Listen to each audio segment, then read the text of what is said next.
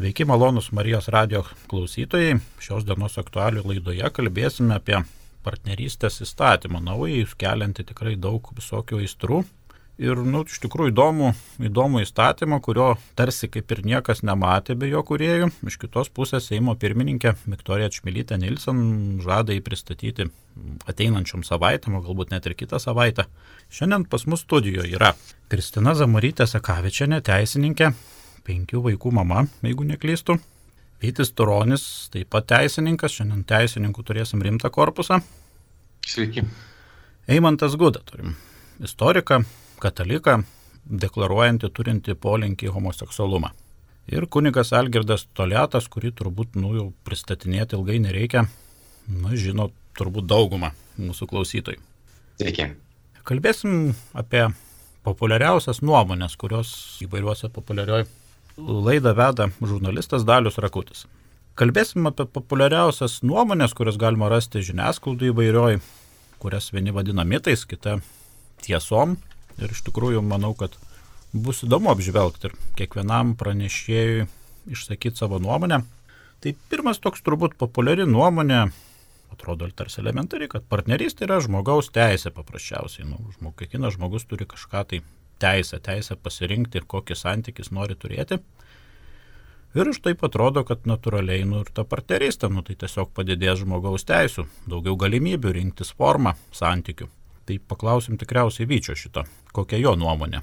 Iš tikrųjų, e, jeigu žiūrėti e, žmogaus teisų dokumentus, tiek tarptautinius, tiek nacionalinius, tai tokios žmogaus teisės mes nerasime, taip pat ir e, Europos žmogaus teisų konvencijoje e, ta apimtime, kurie Europos žmogaus teisų teismas aiškina šią konvenciją, tai iki šiol iš tikrųjų dar nėra prieita prie minties, kad e, asmenys turi teisę sukurti šeimos teisinius santykius būtent partnerystės būdu, ar kad apskritai valstybės privalo įteisinti kažkokį tai institutą, kuris alternatyviai santokos institutui reguliuotų šeimos teisinius santykius.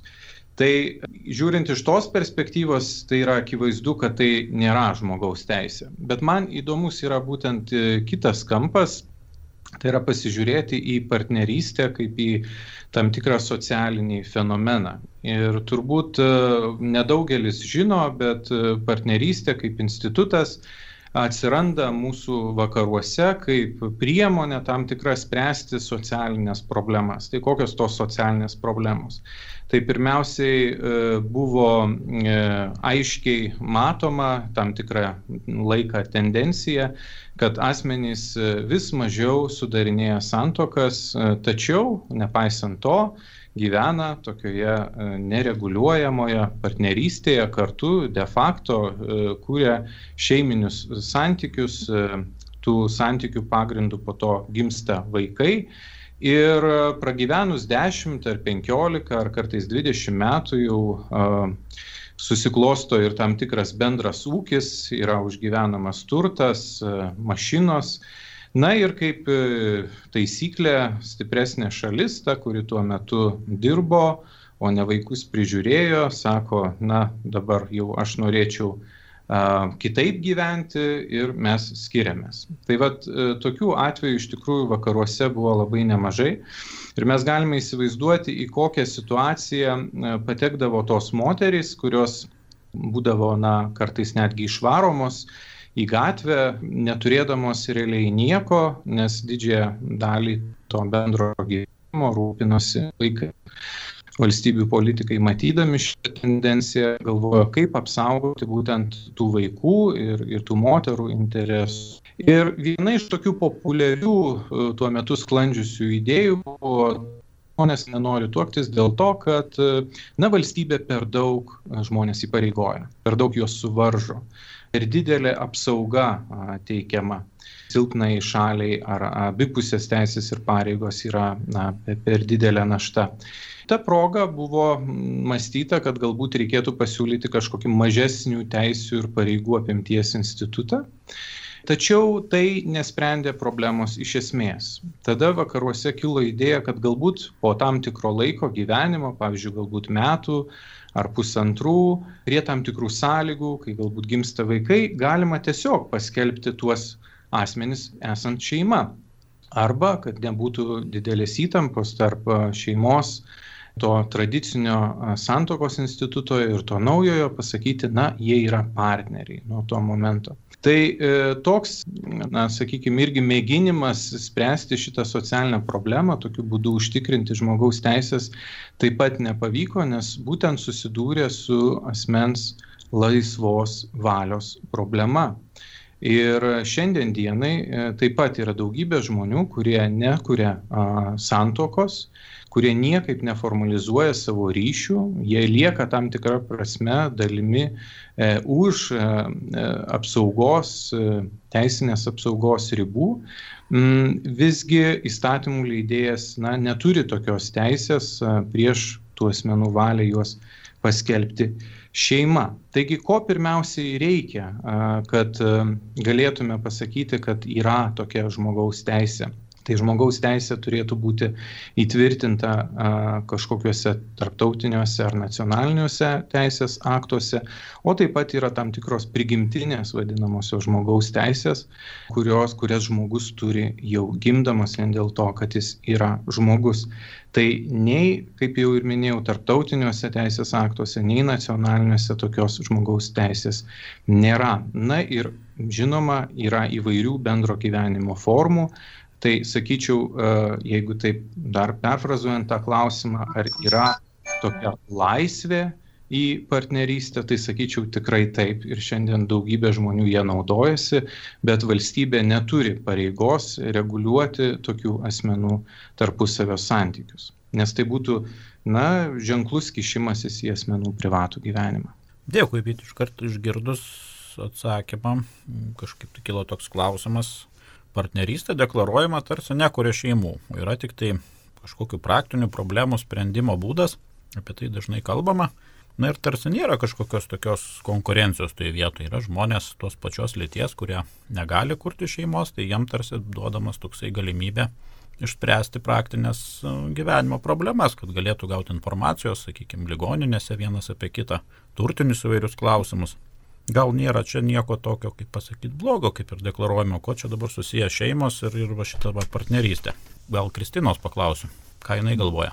Taip, jau iš tikrųjų e, stebint nuo pačių pradžių vat, partnerystės projektų rengėjų, ypač Tomo Vytauto Raskevičiaus komunikacija apie šitą projektą, jau buvo galima įtarti, kad bus imamasi tokių na, kaip čia pasakyti, politinių manevrų, kad būtų sudarytas įspūdis, jog iš tikrųjų partnerystė nekuria šeimos e, santykių ir, ir, ir neliečia šeimos sampratos teisėje. Neva, kaip dabar vat, štai iš paskutinių interviu ar straipsnių girdime, e, Raskevičiaus pasisakymuose partnerystės įstatymo projekte šeimos apibrėžimo nėra, na ir jinai nekeis šeimos sampratos, todėl nėra jokios grėsmės šeimos institutui. Tačiau, na, kaip žiūrint teisiškai į tokius pasisakymus politikų, mes matome, kad tai yra politinis blefas. Iš tiesų, šeimos apibrėžimo ir dabar niekur teisėje nėra. Yra tik tai numatyti pagrindai, iš kurių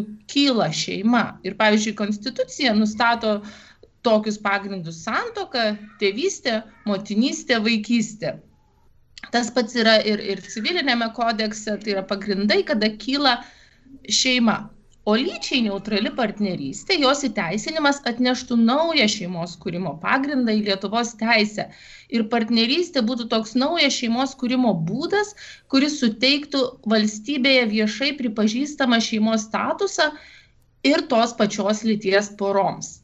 Kodėl taip sakau? Čia gal tokie neįdomus teisiniai akcentai, aspektai, bet iš tikrųjų, na, bent jau trys priežastys akivaizdžiai ir užtikrintai leidžia teikti, kad e, būtent šeimos e, samprata keistų partnerystę. Pirmiausia, partnerystės institutas yra numatytas civilinio kodekso šeimos knygoje, kuri ir nurodo, kad partnerystės tikslas yra sukurti šeiminius santykius, Taip pat Konstitucinio teismo 2011 metų nutarime pateiktas šeimos sampratos išaiškinimas visiškai atitinka įstatymo projekte numatytą partnerystės apibrėžimo turinį. Čia, kur buvo paskelbtas Delfija, buvo paskelbtas tas projekto apibrėžimas partnerystės Ir, ir trečia priežastis, pagal Europos žmogaus teisų teismo praktiką, jeigu homoseksualioms poroms yra suteikiamas teisinis statusas, tai jis tada visada reiškia šeimos teisinį statusą.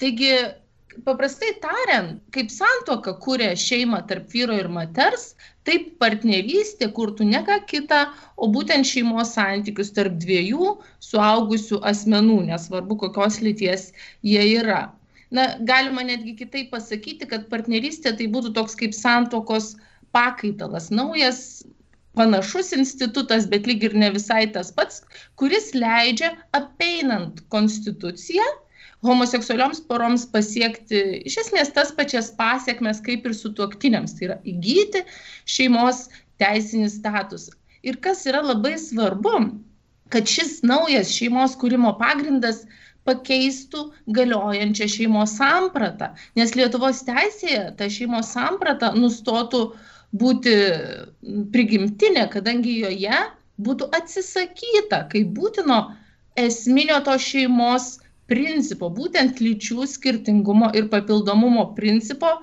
šeimos sampratoje neliktų o šio principo atsisakymas kartu reiškia ir to svarbiausio šeimos siekio, koks jis buvo iki šiol, tai yra užtikrinti geriausią aplinką vaikams gimti ir aukti atsisakymą.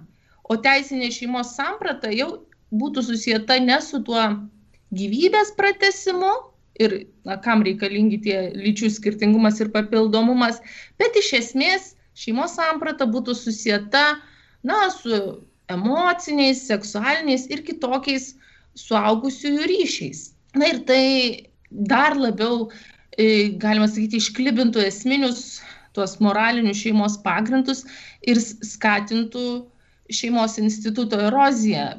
Ir be to lemtų įvairias teisinės pasiekmes, bet jau tai yra labai plati atskira tema, kurią verta turbūt palikti kito pokalbio temai. Na tarsi ir tai, bet sakyčiau, labai dažnai pristatoma ir atrodo iš šalies irgi, kad, na, tarsi tai yra kažkoks tas partnerystės įstatymas ar institutas, tarsi kompromisas yra tarp, tarp noro, kaip yra kitose valstybėse, turėti galimybę kurti šeimą tos pačios lyties asmenims ar įsivaikinti, netgi vaikus turėti daug kur yra. Tai čia tarsi būtų toks, nu, nedidelis kompromisas. Atsižvelgti į argumentus ir tų žmonių norus, kurie, Lietuvos piliečių, kurie norėtų tokio m, kažkaip įteisinti savo santykius, bet nesuteikti galimybės įsivaikinti galbūt kitų dalykų, kas yra būdinga šeimai. Tai gal Vyčio paklausiu, ar galima vadinti tai kompromisiniu variantu. Būtent tokį partnerystės įstatymą, koks yra dabar, ar kiek apie jį žinom, tikriau sakant. Iš tikrųjų labai gerai jūsų paskutinė pastaba. Mes, kada reiktų atlikti vertinimą paties teisės akto, tai jį būtų gerai bent jau turėti. Šiandien mes labai daug kalbam ir jau eilę mėnesių tos aktualijos netyla, tačiau tokio galutinio e, projekto, tikro projekto mes ir nematom, galima tai vertinti kaip tam tikrai to įstatymo iniciatorių strategija galbūt atsižvelgiant į viešoje erdvėje girdimus argumentus ar tokią iš ankstinę kritiką, daryti tam tikras korekcijas. E, bet aš e, sakyčiau, iš tikrųjų įvairiai galima vertinti šitą teiginį, kad projektas yra kompromisinis. Viena vertus tai yra tiesa, ta prasme, kad mes suvokiame, kad iniciatorių galutinis tikslas tai yra tos pačios lyties asmenų porų visiškas teisių prilyginimas vyro ir moters kūriamai šeimai. Ir tai nėra mano nuomonė, tai yra viešai deklaruojama atskirų asmenų interesų grupių. Partnerystės institutas tame, toje kelionėje link šitos lygybės, tokios mano požiūrių neteisingos lygybės, visgi yra tik tai tam tikras laiptelis. Todėl iš esmės nėra skirtumo kokios šiandien teisės ir pareigos liktų neįtrauktos į partnerystės instituto teisinės apsaugos apimtį. Nes ilgainiui, kaip jau ir minėjo mano kolegė, užsiminė, kad būtent partnerystės institutas ar santokos institutas yra tik tam tikra forma, bet tuo būdu yra kuriami tie patys šeimos teisiniai santykiai. Šiuo atveju negali būti jokios diskriminacijos tarp šeimų. Konstitucinis teismas tam pačiam 2011 m. rugsėjo 28 dienos nutarime yra pasakęs ir suformulavęs na, tam tikrą doktriną, iš kurios matyti, jog mūsų konstitucija netoleruoja teisinio šeimų skirstimo pagal skirtingą teisių apimtį, tai yra vis, visoms šeimoms turi būti užtikrinta vienoda teisinė apsauga. E, tuo būdu iš tikrųjų ilgainiui e, visos tos na, vadinamosios raudonos linijos, kurios dabar vat, yra neperžengiamos, galiausiai būtų e, peržengtos. Aš galbūt netgi sakyčiau, kad tas toks pristatymas, neva projektas yra kompromisinis, jis bando atitraukti nuo dėmesį, piliečių dėmesį, visų diskutuojančių šalių e, dėmesį nuo pagrindinio klausimo. Tai yra būtent to, kurį ir įvardėjau. Ar mes turime pagrindo prilyginti ir suteikti vienodą e, statusą tos pačios lyties asmenų poroms, kaip ir vyro ir moters kuriamai šeimai.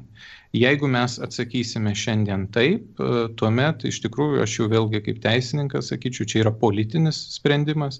Prieimus tokį politinį sprendimą jau nebebūtų jokių teisinių argumentų, kodėl partnerystės instituto rėmose turėtume neleisti vieno ar kito dalyko. Pavyzdžiui, įsivaikinimas šiandien yra galimas tik tai susituokusiems asmenims. Tačiau jeigu pasižiūrėsime, kokiais argumentais yra grindžiamas bandymas na, pasakyti, kad e, tos pačios lyties poros taip pat turi e, teisę į šeimos statusą, tai galima sakyti, kad tais argumentais remiantis galima būtų apginti ir jų teisę įsivaikinti. Pirmiausiai vienas kito e, vaiką biologinį, o po to jau žinoma ir, ir kitus vaikus, kurie nebūtų jų biologiniais vaikais.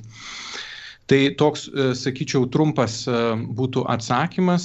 E, man galbūt asmeniškai tenka tik tai apgailestauti, kad visgi prie šito rengiamo projekto iniciatorių taip pat yra prisidėję ir tokie na, žinomi krikščionių intelektualai kaip Andrius Navickas, buvęs ilgametis Bernardinų LT redaktorius.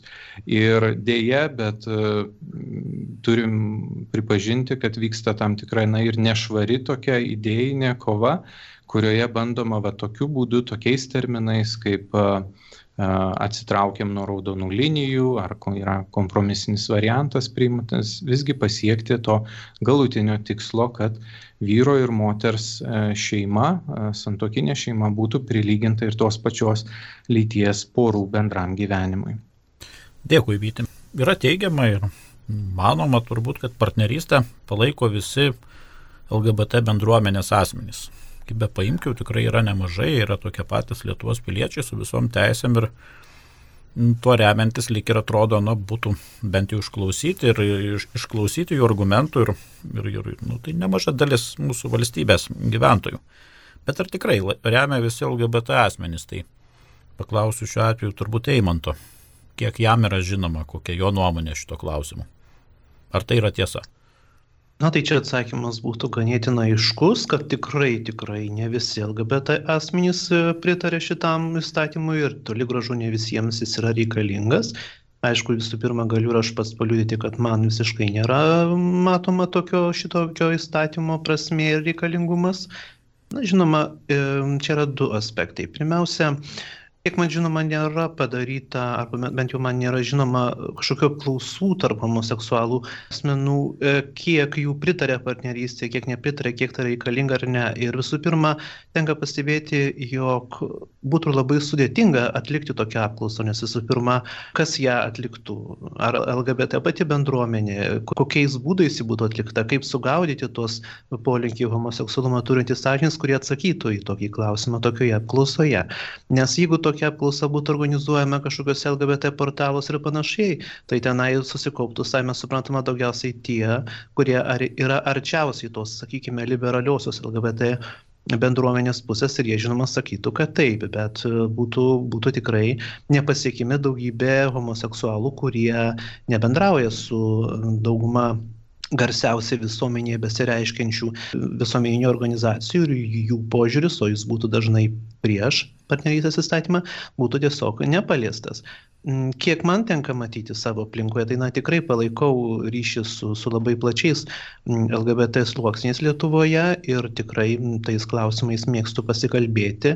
Ir tikrai negaliu pasakyti, kad yra didelis LGBT bendruomenės narių palaikymas partnerysės įstatymui. Jis man toks susidaro įspūdis yra reikalingas labai mažai, mažai bendruomeniai, kuris sukasi aplink visų pirma tam tikras organizacijas ir dideliai daliai žmonių, gal ir daugumai, kurių galvoja homoseksualių asmenų, kurie gyvena tiesiog savo privatų gyvenimą ir, ir nesifišuoja ir, ir nelenda į tam tikrą viešumą, jiems e, tikrai matau iš savo pažįstamų, kad tai dažnai nėra reikalinga.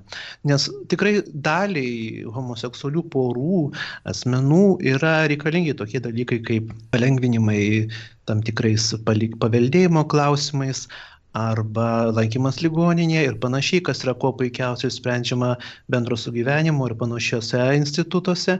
Ir tikrai tam nereikia nei partnerysės įstatymo, nei kažkokio kitokio homoseksualių porų bendro gyvenimo prilyginimo šeimai ar juolap santokai. Nes iš tikrųjų didelė dalis LGBT bendruomenės de facto nemato tame poreikio reikalauti savo šeimos statuso ir panašiai. Tai yra reikalinga tik mažai daliai LGBT bendruomenės narių, kurie yra labiausiai matomi visuomenėje ir yra ideologiškai labai kairės pakraipos ir dažnai turi tam tikrą nemažą finansavimą iš pasaulinių struktūrų. Ačiū, Eimantai dabar trupučiuką atsitraukim nuo galbūt homoseksualių žmonių problemų ir, ir, ir, ir, ir teisų. Na, dažnai minima, man atrodo, jeigu neklystu, pats Raskevičius yra sakęs, kad partnerystė pirmiausia yra reikalinga nuo pusę milijono nesusituokusių mūsų porų iš to heteroseksualių, aš to, to galvoju, kad tai yra, na, vis tiek žmonės gyvena dabar neina į santoką dėl įvairių priežasčių gyvena susime, susimetus, kaip vadina, gal, gal nežinau, ar taip galima pasakyti. Ir galbūt gali dėl to nukentėti ir, na, pa šitas partnerystės institutas tarsi būtų toks tarpinis variantas tarp visiško neįsipareigojimo ir jau tokio nu, įsipareigojimo šeimai, kuris yra pakankamai griežtas, turi daug visokių pasiekmių. Ir kad tai jiem iš tikrųjų padarytas dalykas ir tuo pačiu, aišku, ir, ir tos pačios lyties poroms tai yra sprendimas.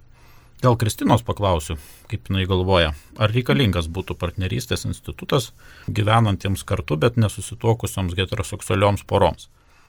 E, iš tiesų, ir, ir Tomas Vytautas Raskevičius, ir kiti partnerystės šalininkai viešoje erdvėje dabar labai dažnai kartoja tą argumentą, kad partnerystė nėra skirta vien homoseksualiems asmenims, bet padėtų spręsti nesusituokusių porų problemas, apsaugoti silpnesnės šalies interesus skirybų metu ir dažniausiai tai būna moteris, kurios na, prižiūri vaikus neina į darbą. Vytis jau labai gražiai papasakojo apie tai, kaip iš tikrųjų partnerystės institutas ir vystėsi e, tuo tikslu, kad na, padėtų spręsti tokių porų e, problemas. Bet pastebėkite kad šioje vietoje kaip argumentą labai dažnai partnerystės šalininkai išsako tokį faktą kad statistiškai du tūkstančiai dvidešimtais metais e, Lietuvoje gyveno 600 tūkstančių nesusituokusių žmonių, na ir vat, jų visų problemas išspręstų tas partnerystės įstatymas. Tai čia du aspektai yra. Pirma, na, šis skaičius visiškai nerodo to skaičiaus žmonių, kuriems iš tikrųjų yra aktuali partnerystė.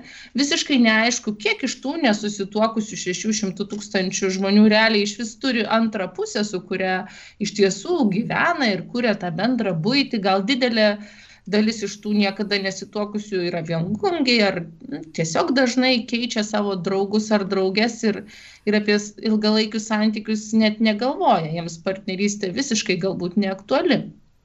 Na, taip pat tiesa kad yra kažkoks reikšmingas skaičius skirtingų lyčių porų kurios išties kartu gyvena ilgą laiką ir jiems gerai būtų tuos santykius įteisinti ir sureguliuoti.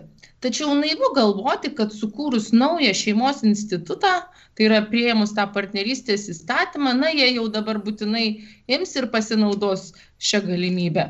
Jeigu asmenys, skirtingų lyčių asmenys norėtų kurti šeimą, iš tikrųjų jiems dabar nėra kliūčių sudaryti santuoką, tai nėra nei brangu, nei sudėtinga. O tie, kurie nenori prisimti šeiminių įsipareigojimų, na, reikia manyti, kad nei santokos ir turbūt nei partnerystės didžioji dalis jų nesudarys.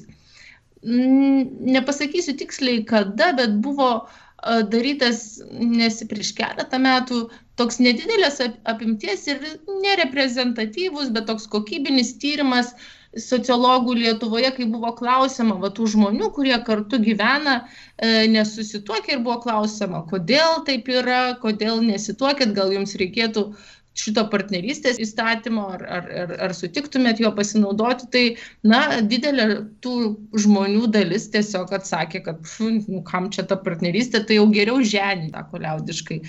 Tai nesakau, kad šito tyrimo pakanka įrodyti, kad tikrai partnerystės nereikia skirtingų lyčių poroms. Tačiau nepadarius jokių tyrimų, teikti tiesiog, kad va štai tiek yra 600 tūkstančių nesusituokusių ir partnerystė yra reikalinga visiems tiems asmenims, taip pat nėra pagrindo. Čia reikėtų iš tikrųjų išsiaiškinti, kokiai daliai būtų aktualus tas įstatymas, nes, na, jeigu žmonės nekuria šeimos, galbūt jie tiesiog nenori įsipareigoti. Ir, ir man atrodo, kad vėl va, šitas argumentas tai yra, na, tam tikra politinė manipuliacija, kuria siekiama nukreipti dėmesį nuo to, kad partnerystė vis dėlto labiausiai reikalinga iš tiesų vienos lyties poroms, nes jų statusą tai pakeistų iš esmės, nes iškart prilygintų na, santokiniai vyru ir moters šeimai.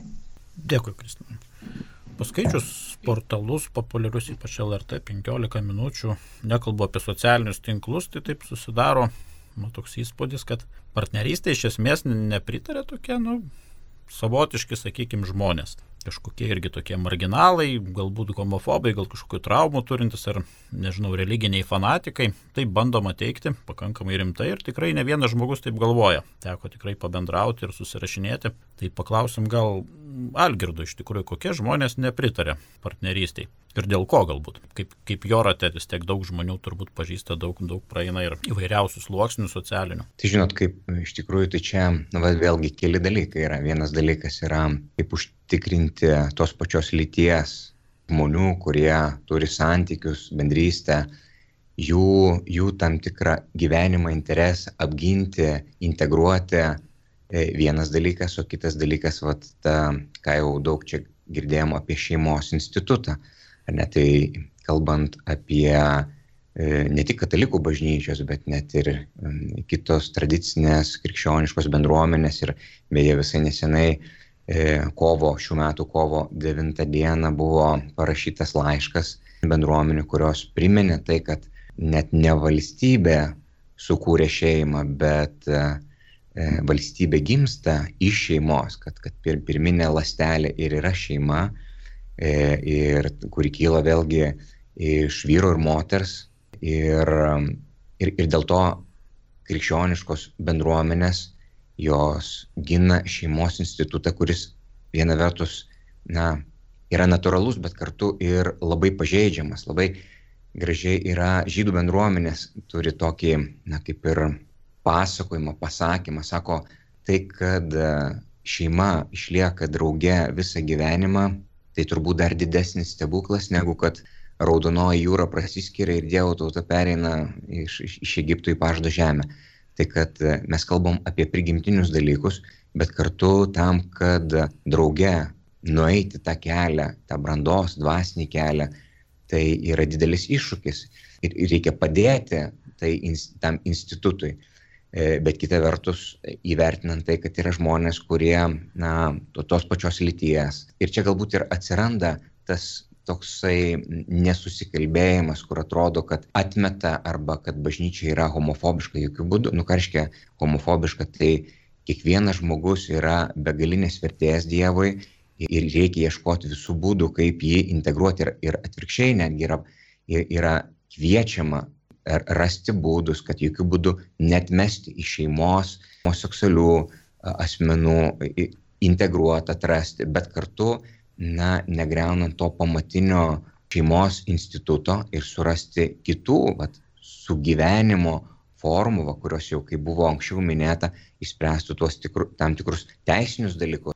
o, o sugebėjimas priimti na, tos pačios lyties žmonės, tai vėl čia turbūt yra ir mūsų vidinio nusistatymo, pagarbos e, klausimas, ar ne, tai vad tą pagarbos klausimą ir, ir popiežius, ir bažnyčia iš tiesų tikrai vienareikšmiškai tai, kad kiekvienas žmogus turi būti gerbiamas ir integruotas, tai čia yra bažnyčios pozicija.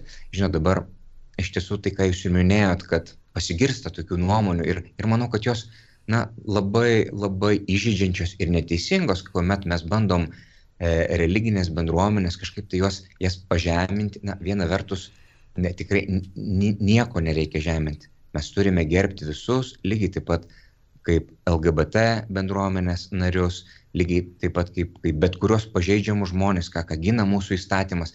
Ir lygiai taip pat ir religija gina e, įstatymas ir sako, nu negalima žeminti jokių pagrindų. O dabar, na, sklaido tokie, nu, tokia pozicija žeminanti, kur, na, nu, kur žmonės tikinčius, tarytum, taip, na, nu, norima pavaizduoti tokius labai primityvius ir, ir, ir, ir tai yra, na, nesiskaitimas, tai yra neišlaikymas lygių galimybių, tai yra tam tikras, na, provokuojanti ir žeminanti ir neapykantą kurstanti kalba. Tai vad šitą dalyką, apie kurią bendruomenę bekalbėtume, mes ją turėtume naikinti. Yra vienas iš tokių irgi tokių nuomonių, kurias irgi bandoma įpiršti, kad, na, vat, ta pozicija, kurią kuria tarytum vadovaujasi bažnyčios, krikščionis, kad jinai yra tokia iš rytų ateinanti prorusiška, bet į bažnyčią, iš Europą. Europa yra pastatyta ant krikščionybės pamato. Čia yra, kaip mums gali būti svetima Europos vertybės, jeigu pati Europa buvo kuriama krikščioniškom vertybėmis. Tai ir puoselėjama. Tai aš manau, kad na, vakarai vakarų kultūra bega, begalinė yra sava ir svarbi. Kartais yra sakoma, kad kitas toks, nu, nežinau, nuomonė kartais sklanda tik, kad, kad yra um, prieš valstybę, bažnyčia nusistačius ir, ir krikščioniškos bendruomenės. Jokių būdų, nes, nes na, pats šventas raštas sako, laiminkime savo vadovus ir ieškokime susikalbėjimo, ieškokime tų bendrų sprendimų ir galiausiai šeima, kuri yra pamatas valstybės, tai, na, bažnyčia ieško visų būdų, kaip pagelbėti šeimai aukti, bręsti, spręsti visus gyvenimiškus į, į iššūkius. Dar vienas toksai irgi e, kartais tokia nuomonė, irgi šiais laikais kažkaip dažnai pa, pasitaikanti, kad bažnyčia taip, nu, jinai yra labai susiaurinanti, kad jinai susiaurina ir, ir neieško tokio, na, na įvairovės, kad, jinai, kad bažnyčia yra prieš įvairovę. Atvirkščiai, juk įvairovė gimsta iš dviejų skirtingų, o ne iš dviejų vienodų, ar ne? Nu, tai pirmiausia, įvairovė gimsta iš šeimos, ar ne? Tai vyras ir moteris, du skirtingi, kurie skleidžia tą įvairovę. Ir dėl to, na, bažnyčia iš tiesų gina demokratiją, gina šeimą ir, ir ypatingai dabar, kad nebūtų kažkokia tai viena ar kita mintis, kuri dominuojanti ir išstumtų visas kitas. Vėlgi, e, man pačiam yra tekę nekartą na tokiu apie save girdėti kaip apie homofobą. Nu tokį pasakymą va čia nusiteikęs jokiu būdu. Gyvenime neturėjau jokio nusistatymo prieš nė vieną homoseksualų asmenį juo labiau kad nemažai e, jų pažįstu esame bičiuliai draugaujame ir ir tikrai nesu nusistatęs. Tai e, manyčiau kad net ir tas pats teiginys ir ir ir ir ir brukimas tos nuomonės tai jau yra na, nežinau, neteisingas formavimas, žeminant kitus, ar ne, žeminant ir, ir, ir tarytum primentant tam tikrą, tam tikrą poziciją.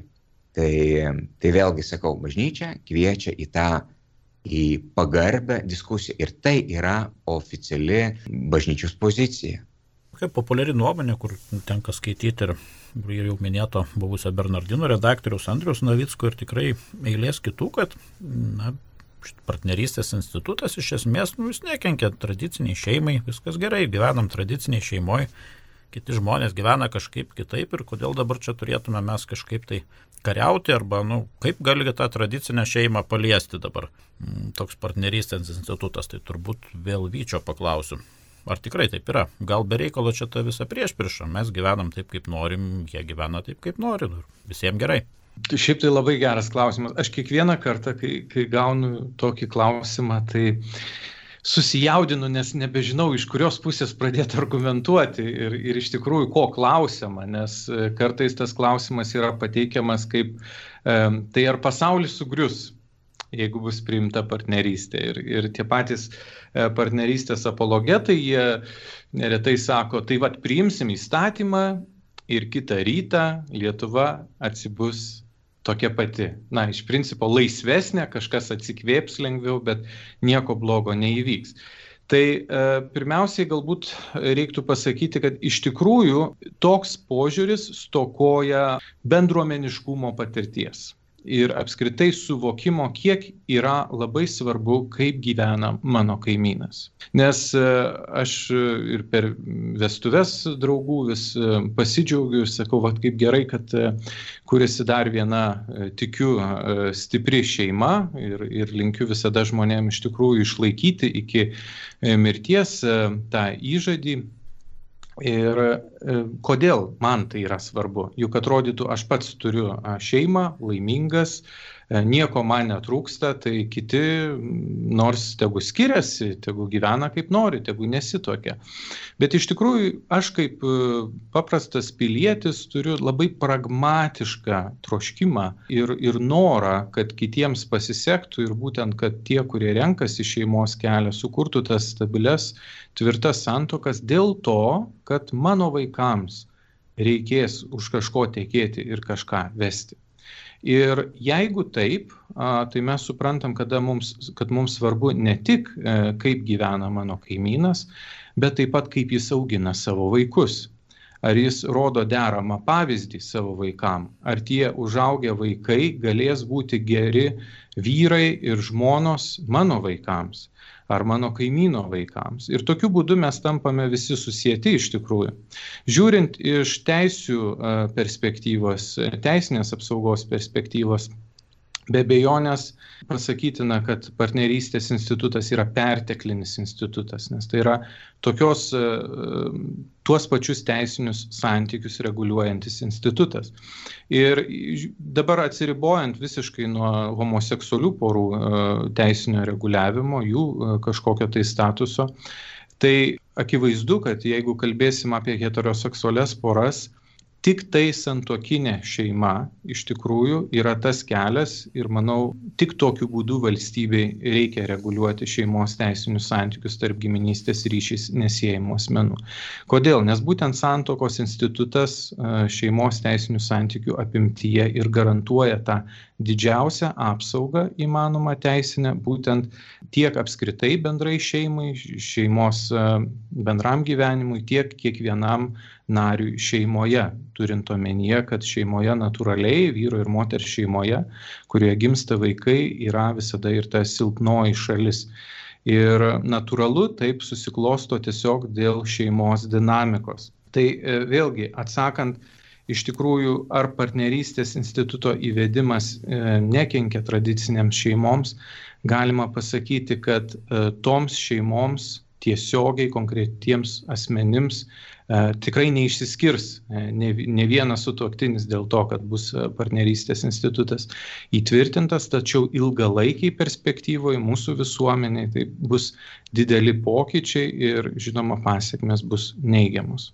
Dėkui, Vyti, kadangi mūsų jau laikas studijai, matau, labai stipriai senka, tai užduosiu gal du trumpus klausimus, į kuriuos prašysiu pašnekovų irgi atsakyti kiek įmanoma trumpiau. Tai paklausiu Algerdo, taip dažnai irgi tokia mintis nuskamba, kad, na, ar nesame mes šventesni už popiežių. Nes, na, nu, atrodo, kad vakaruose irgi kažkaip laiminamas kitur santkos ir dar ir Vokietija pasižiūrėjus pavyzdį, irgi ten įvairius nuomonės yra ir įvairūs dalykai. Ir, na, tarsi teigiama, kad Romos katalikų bažnyčiai tokios pozicijos partnerystės klausimų kaip ir nėra. Santokos taip, bet partnerystės klausimas taip yra, na, pritemtas, švelniai tariant. Kaip Algirdai yra iš tiesų?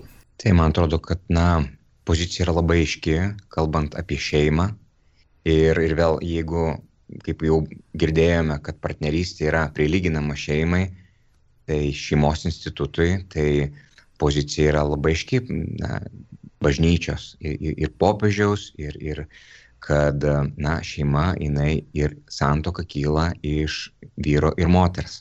Dabar ką popiežius nemažai akcentuoja apie tai, na, vat, apie tai, kad homoseksualūs žmonės neturi būti atmesti, išskirti nuo savo šeimų, nuo savo artimųjų, se, sesių, brolių, neturi jokių būdų būti žeminami ir vat, tai išmesti iš savo bendruomenių dėl savo, dėl savo polinkių, ar ne, tai vat, apie tai popiežius tikrai daug kalba.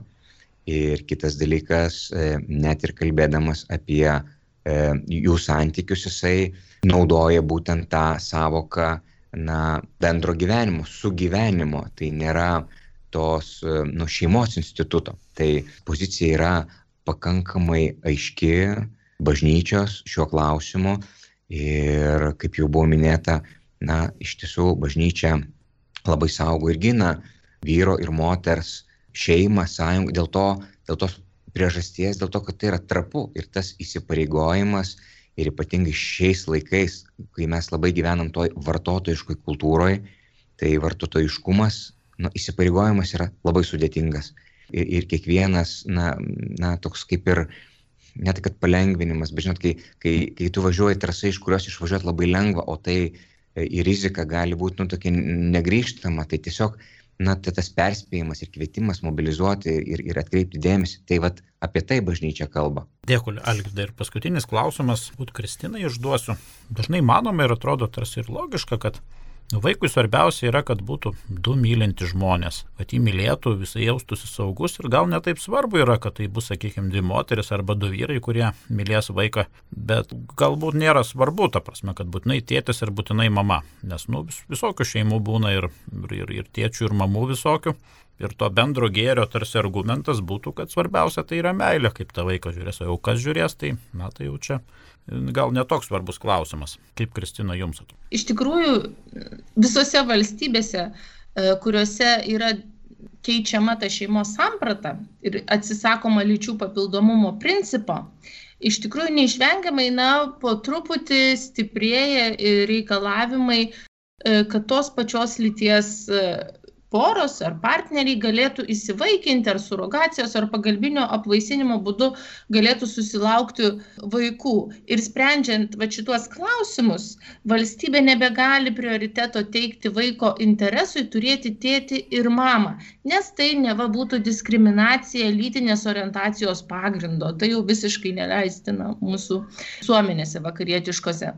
Ir tai tampa teisminio bilinėjimosi reikalų, kol galų gale pasiekiama taip vadinama tėvystės lygybė tarp skirtingų šeimos formų, kurios yra pripažintos toje valstybėje teisiškai. Ir todėl kartu yra skleidžiamas na, nežinau kaip čia pasakyti, mitas ar toks uh, įsitikinimas, kad vaikams, va, kaip jūs sakėt, nėra skirtumo, ar juos augina tėtis ir mama, ar du tėčiai, ar dvi mamos, o svarbu tik tai, na, du suaugę mylinti žmonės. Čia akivaizdu, kad iš tikrųjų meilė vaikui yra labai svarbu, nežinau, ar čia kažką dar labai reikia įrodinėti ir iš vis įmanoma iki galo kažkaip mokslo apčiuopti ir įrodyti tokius svarbiausius dalykus kaip tėvystė ir motinystė, jų reikšmė vaiko gyvenime. Tačiau šį bei tą mokslas geba pamatuoti ir objektyvūs tyrimai rodo, na ką man atrodo ir kiekvieno žmogaus racionalus protas sąžiningai galėtų suprasti, kad geriausia aplinka vaikui aukti visgi yra stabili jo biologinių tėvų šeima.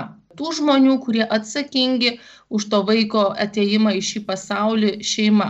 Be to tyrimai rodo, kad motinos ir tėčiai su vaikais bendrauja skirtingai ir tai užtikrina vaiko raidui labai svarbu lyčių balansą, jo, to psichologiniai vaiko raidai. Ir didžiausias apimties tyrimai taip pat teigia, kad homoseksualių porų auginami vaikai patenka į statistiškai blogiausiai besivystančių vaikų grupę pagal na, įvairiausius kriterijus, kuriuos matuoja tie tyrimai.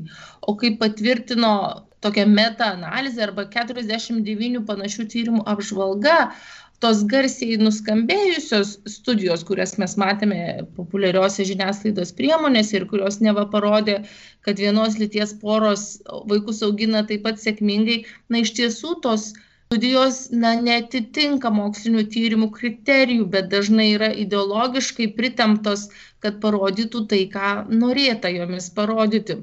Taigi taip vadinama tėvystės lygybė tarp skirtingų šeimų nėra teisinga vaikų atžvilgių ir galimybė, grubiai pasakysiu, įsigyti vaiką vienos lyties porai, kuri iš prigimties negali jo susilaukti, reiškia vaiko pavertimą objektų, kuris yra na, skirtas tenkinti suaugusių norus ir tai nesuderinama su vaikų žmogišku orumu, nes būtent vaikų interesas turėtų būti svarbiausias, kai kalbame apie šeimos politiką ir, ir teisinį reguliavimą. Dėkui Kristinai, dėkui visiems pašnekovams, tikrai laidos laikas jau baigėsi. Laidoje dalyvavo Kristina Zamarytė Sakavičiane, teisininkė penkių vaikų mama, Vytis Turonis, teisininkas, Eimantas Gudas, istorikas, katalikas, turintis polinkį homoseksualumą ir mūsų mylimas Algerdas Toletas, kunigas ir rašytojas. Ačiū su jumis buvau aš, Dalius Rakutis, žurnalistas. Iki kito susitikimo.